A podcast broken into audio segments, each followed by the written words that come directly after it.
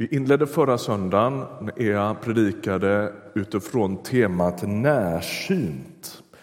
Och vi har försökt att under ett antal, vi kommer att försöka under ett antal söndagar att göra några nedslag i en ganska eh, ja, men bitvis lite svårtillgänglig bok som heter Sakarja bok i Gamla testamentet.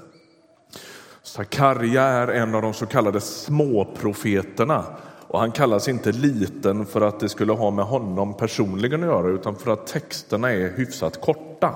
Det är därför de kallas småprofeter. Ehm, folket Israel och Juda har fått en rad varningsord av profeterna. Och Det här ligger tillbaka tidigare än Sakarja. Om ni inte omvänder er från era onda vägar vilket inte bara handlar om någon sorts små hårklyverier utan om människooffer och massa andra förfärliga uttryck för falsk tillbedjan.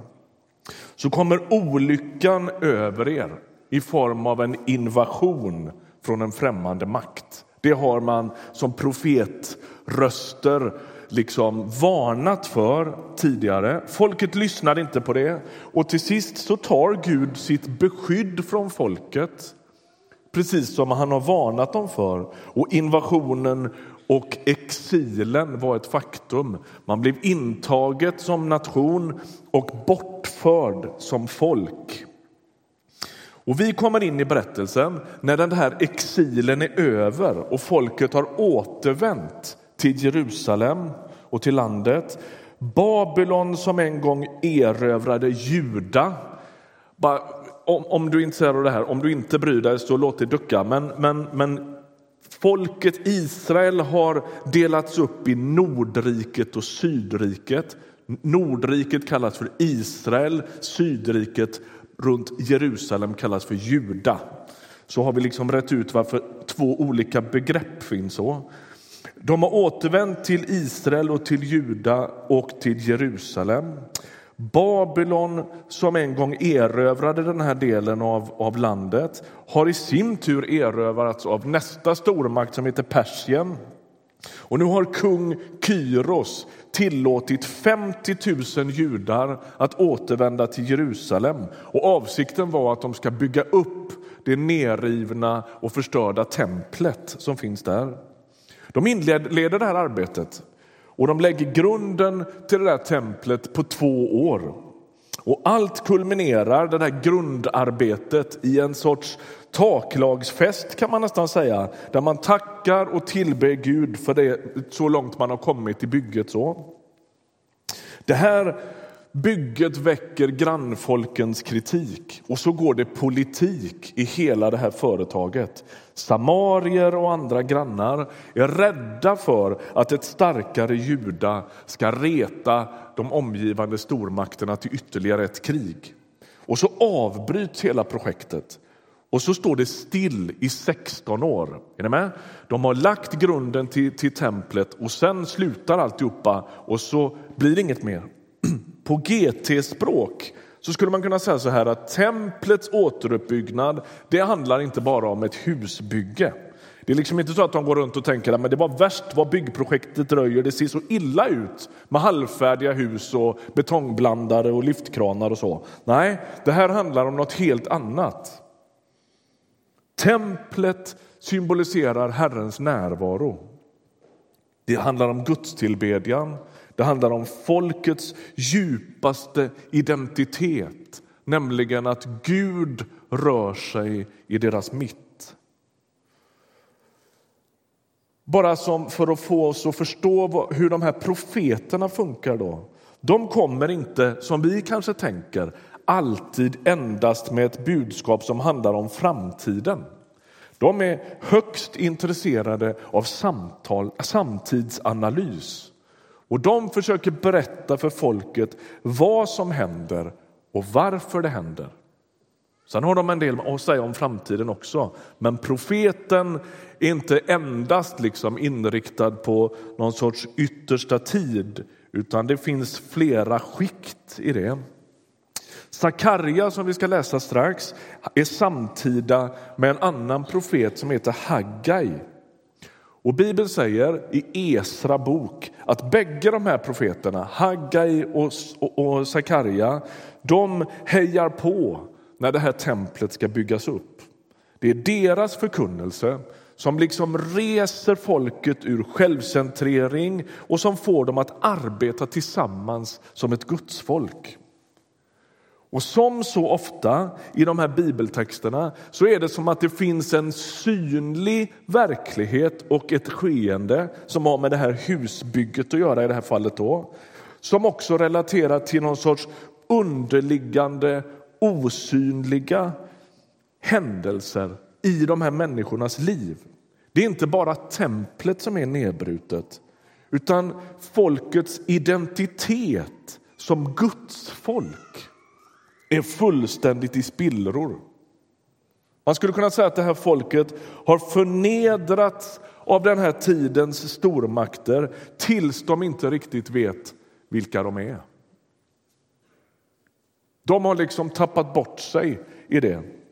Tänk dig ett folk som har haft profiler som Abraham, Mose, Josua, David med flera i sin stolta historia. Och så kommer den här ockupationen och bortförandet i exil. Och det är som att de glömmer sin storhet. De har förnedrats, förminskats och bokstavligen åkt på stryk tillräckligt många gånger för att glömma sin storhet, sin kallelse och det som Gud har tänkt. Jag tänker mig att de är lite som om de har nötts ner. Liksom. Och så är det som att Gud måste viska om sin storhet och om sin kallelse in i deras liv igen. Men den där viskningen den låter allt mer avlägsen. Man glömmer vem man är. Omgivningen, omständigheterna, trycket, förnedringen, alltihopa det där gör att de går bort sig. Och det är i den här tuffa tiden som profeterna träder upp och försöker de hjälpa folket att återfå sin identitet. Nu ska vi läsa Bibeln tillsammans. Vi börjar i Haggai bok som alltså är samtida, parallell med Sakarja. Och vi ska läsa ifrån kapitel 2 i Haggai bok. Vi kommer till Sakarja strax. Under kung Dareios andra regeringsår, på 21 dagen i sjunde månaden, kom Herrens ord genom profeten Haggai. Fråga ståthållaren i Juda, Serubabel, Shealtiels son och översteprästen Josua, Josedaks son och den rest som finns kvar av folket. Finns det ännu någon bland er som såg detta hus i dess forna härlighet? De talar om templet då. Vad ser ni nu? Ingenting, eller hur? Fatta mod, Serubabel, säger Herren. Mod, överstepräst Josua, Josadaks son. Mod, allt folket i landet, säger Herren. Till verket, jag är med er, säger Herren Sebaot. Det löftet gav jag er när ni drog ut ur Egypten och min ande finns hos er. Var inte rädda. Och genom Herrens tilltal här så får vi en del hintar och nycklar till vad det är som är folkets problem. De har inte koll på vilka de är.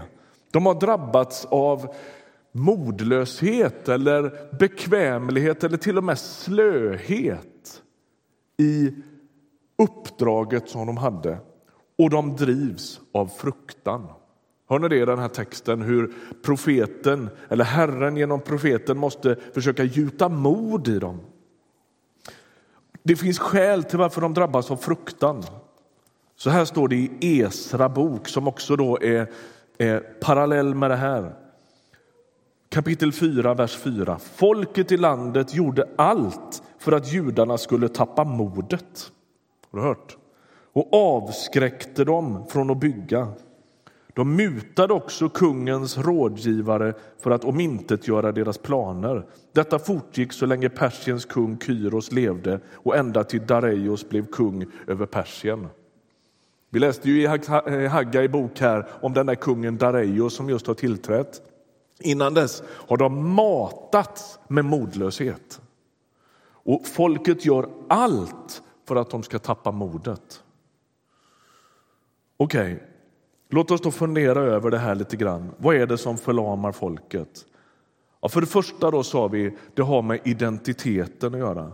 Det är väldigt starka krafter i rörelse som försöker beröva människan sitt djupaste identitet. Och när folkets självbild har slagits sönder, när de har glömt att Gud har liksom ropat sitt eget namn över deras liv så behövs det ett nytt gudsord som påminner dem om vilka de är. Och det andra det är bekvämligheten. Guy han säger så här, de har själva fixat till sina hus. Det är som om lunken har inträtt i Jerusalem. Det funkar rätt bra. Ea var inne förra veckan på det här att folket verkar slå sig till ro och tycka att det är liksom good enough att vara tillbaka i sin stad. Nej, säger profeterna. Det räcker inte. Man kan inte nöja sig då Herrens, alltså symbolen för Herrens närvaro, Herrens gärningar och Herrens välbehag inte finns på plats. Haggai säger till dem, ni bor i panelade hus medan Herrens hus är nerrivet. Ni nöjer er för att ni fick tillbaka ert eget hus efter fångenskapen. Men hur gick det med Herrens hus? Och så det tredje, då, den där fruktan. Det finns ju få saker som gör oss så paralyserade som rädsla. En del av oss, när vi blir rädda, vi blir totalt låsta. Helt paralyserade och handlingsförlamade. Och andra studsar runt som någon sorts studsbollar i panik för att man blir rädd. Men oavsett vilket så tänker man inte klart när man är rädd. Fruktan och rädsla får oss att tappa greppet. Och nu kommer vi till Sakarja bok. Ni undrade ju, kommer han aldrig dit? Nu kommer vi dit. Och så ska vi läsa kapitel 4 tillsammans i Sakarja bok. Där det står så här. Ängeln som talade med mig kom tillbaka och väckte mig som när man väcker någon ur sömnen.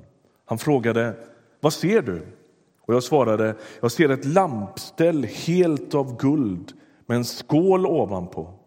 Där sitter också sju lampor och varje lampa där ovanpå har sju pipar. Två olivträd står bredvid, ett till höger om skålen och ett till vänster. Jag frågade ängeln som talade med mig, vad betyder detta, Herre? Han frågade, förstår du inte vad det betyder? Nej, Herre, svarade jag. Då sa han, de sju är Herrens ögon som överblickar hela jorden. Jag frågade honom, vad betyder de båda olivträden till höger och till vänster om lampstället? Och jag frågar honom vidare, vad betyder de båda olivkvistarna som leder ner gyllene oljan genom de två gyllene rören? Förstår du inte vad det betyder? frågade han. Nej, herre, svarar jag. Då sa han, det är de båda smorda som står inför hela världens herre. Detta är Herrens ord till Serubabel, varken med styrka eller makt, utan med min ande, säger Herren Sebaot. Vem du än är, du stora berg, inför Serubabel ska du bli till slät mark. Han ska föra fram slutstenen medan man ropar nåd och välsignelse.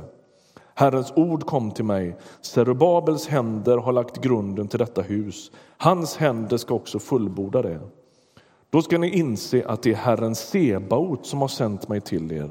De som föraktade den dag då den blygsamma början skedde, de ska glädjas då de ser den utvalda stenen i Serubabels hand. Låt oss se några saker i den här texten som är viktiga. För det första, lite beroende på vilken bibelläs, bibelöversättning du läser kan du bli lite förvirrad här. Man har kastat om verserna delvis i det här avsnittet. Jag bara låter det passera. Det hör inte hit idag. Det talas här om olja. Och vad betyder det? Oljan har med anden att göra.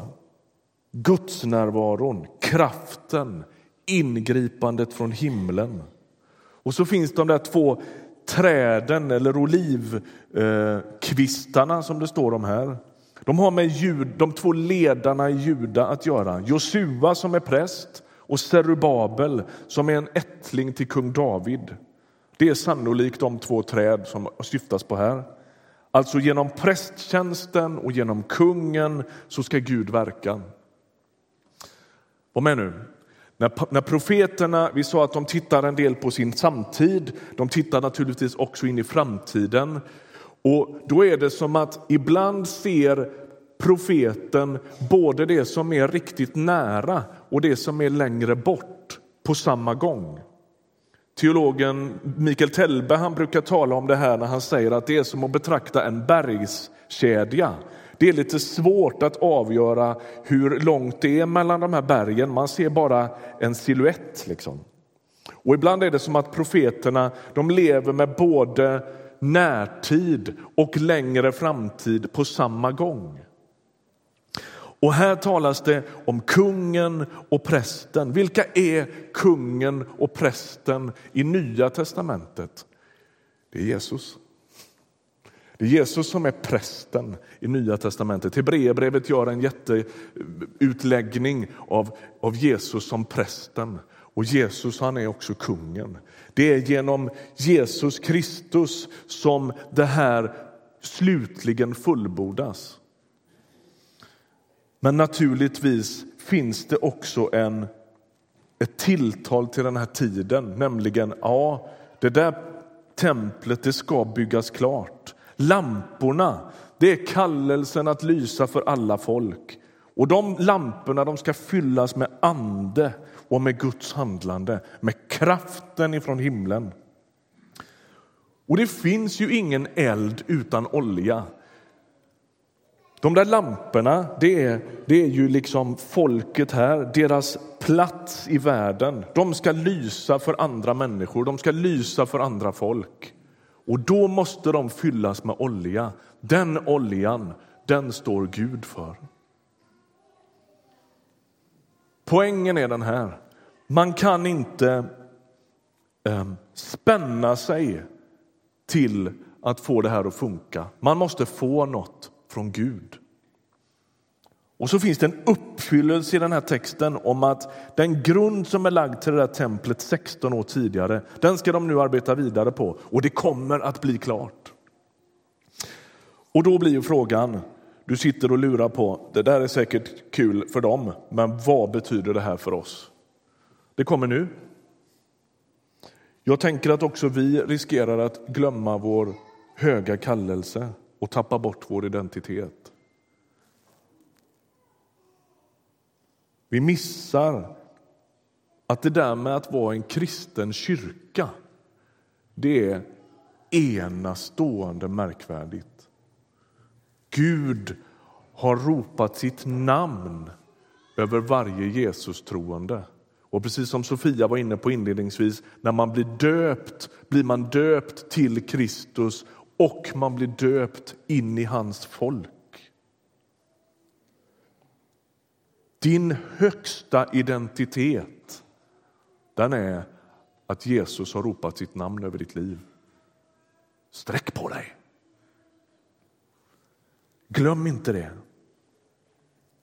Han har en plan för församling och för enskilda kristna han har en kallelse som handlar om trohet och lydnad men som också handlar om kraft och Guds förvandlande närvaro.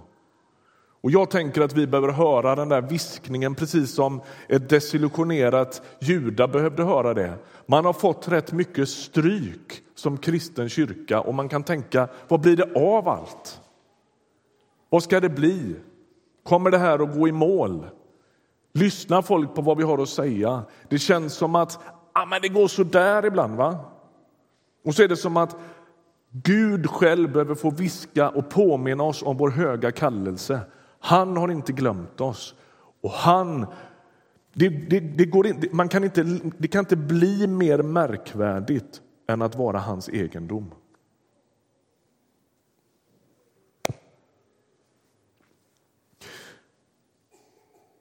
Ni hör ju vart det här är på väg. Bekvämligheten, slöheten, Snacka om att vi i vår tid pysslar mycket med oss själva. Och I värsta fall har vi missat nådens budskap, tänker jag. Och så har vi tänkt att nej men, nåden blir en sorts fribiljett för att leva lite hur som helst. Och så kommer profetens ord också till oss.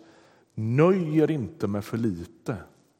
Nöj er inte med att ni själva fått det bättre om inte Guds rike går framåt. Den rannsakande frågan som har ringt i mitt huvud när jag förbereder den här predikan det är den här. Vad stör din sömn mest? Dina egna motgångar eller Gudsrikets motgångar? Det verkar vara det Haggai och Sakarja försöker säga till de här. Ja visst, det har ju löst sig för er. Ni är ju tillbaka i era hus i Jerusalem. Men hur gick det med Gudsriket? Och det tredje blir ju då fruktan paralyserar också oss. Fruktan är en förlamande kraft. Och jag tycker mig se, både i mitt eget liv och i kyrkan i stort i västvärlden, att vi drabbats av någon sorts kollektivt dåligt självförtroende. Vi känner inte igen oss. Förut var vi i förarsätet. Alla i Sverige var ju kristna, eller på något sätt ändå lite grann, eller hur vi ska se det. Och församlingen växte. Och vad har hänt med oss? Vi hamnar lite i marginalen. Vi förstår inte vilka vi är. Vi tappar modet.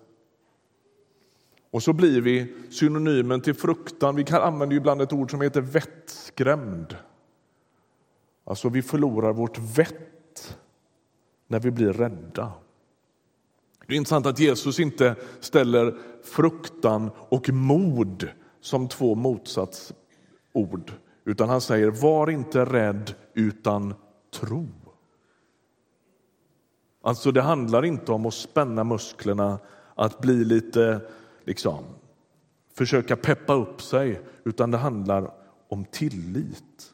Risken finns när vi ser det här då, att vi håller på att tappa modet, vi håller på liksom backar in i hörnet, att vi börjar spänna våra mänskliga muskler. Vi spänner oss, vi jobbar med yttre maktförstärkare, vi åker runt i hela världen och importerar senaste trenderna. Vi talar om management och principer och de senaste rönen.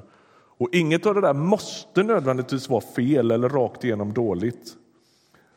Kallelsen i texten handlar ju om att arbeta på det som Herren har befallt. Alltså de ska inte fortsätta att sitta och luta sig tillbaka och bara hoppas att det ordnar sig. Det finns ett hårt arbete som väntar.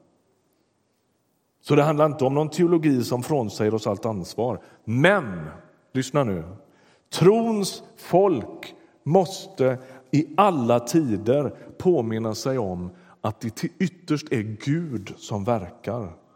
Han är den som allt står och faller med. Vi är de vi är därför att Gud har berättat det för oss. Vi kan resa oss ur apatin inte för att vi piskar varandra att jobba lite hårdare, utan för att Herren kommer med sin kraft. Vi kan borsta av oss rädslan och fruktan därför att Guds kärlek fördriver all rädsla. Är du med? När vi backar in i hörnet av fruktan och rädsla, då är det ju liksom inte, det är inte någon superhjälte som behövs inte lite mer muskler, det är inte mer mänsklig styrka, det är mer tro som behövs, det är mer tillit som behövs. Det är att vi förstår att Gud inte har lämnat oss, att han håller sin hand över våra liv.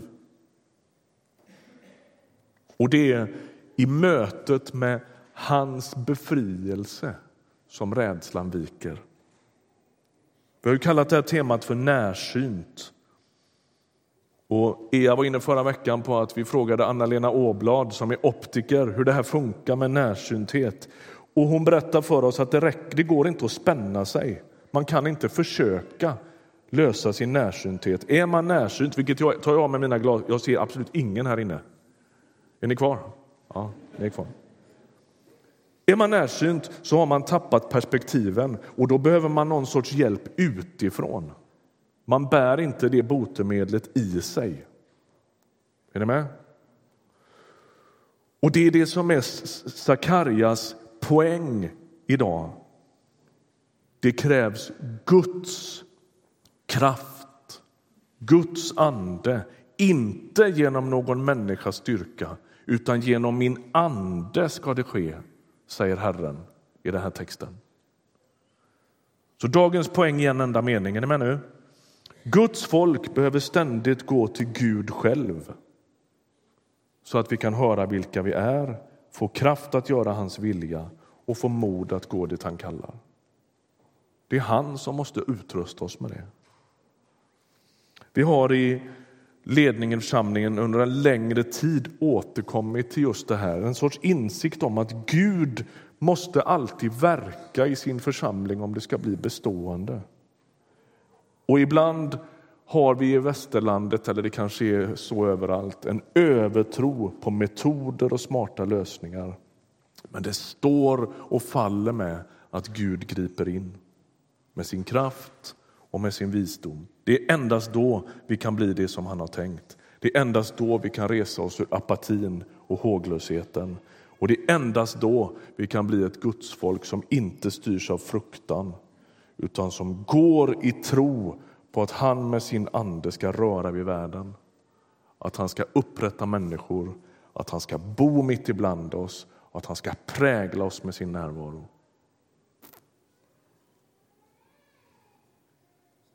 Amen. Ska vi göra så? Vi ska snart öppna våra böneplatser. Jag vill att vi reser oss som en enda kropp och så ber vi inte för våra individuella behov just nu, utan för vår församling. Sen ska vi öppna för våra övriga behov vi har med oss. Låt oss be. Herre, nu kommer vi till dig som ditt folk. Nu kommer vi till dig som din egendom som en gemenskap som du har satt ditt kännemärke på som du genom dopet har satt din vattenstämpel på. Och så ber vi att få bli det som du har gjort oss till. Hjälp oss att bli det vi redan har förklarats. Heliga, avskilda, beroende, fulla av kraft, fulla av tillit. Stärk vårt mod. Hela våra sår. Och vi ber Jesus Kristus att du skulle viska in i våra liv vilka vi är. Vi ber att få omvända oss ifrån vår bekvämlighet och slöhet men inte till galen aktivism. Vi vill vända oss till dig, du som är den som ger kraft, mod, styrka och liv. Vi vill vända oss bort ifrån fruktan.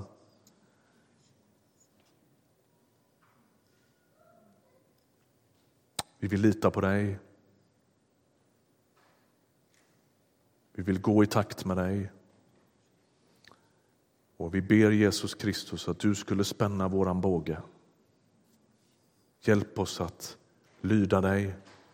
Hjälp oss att flöda av din närvaro och din kraft och din andes liv mitt i vår gemenskap.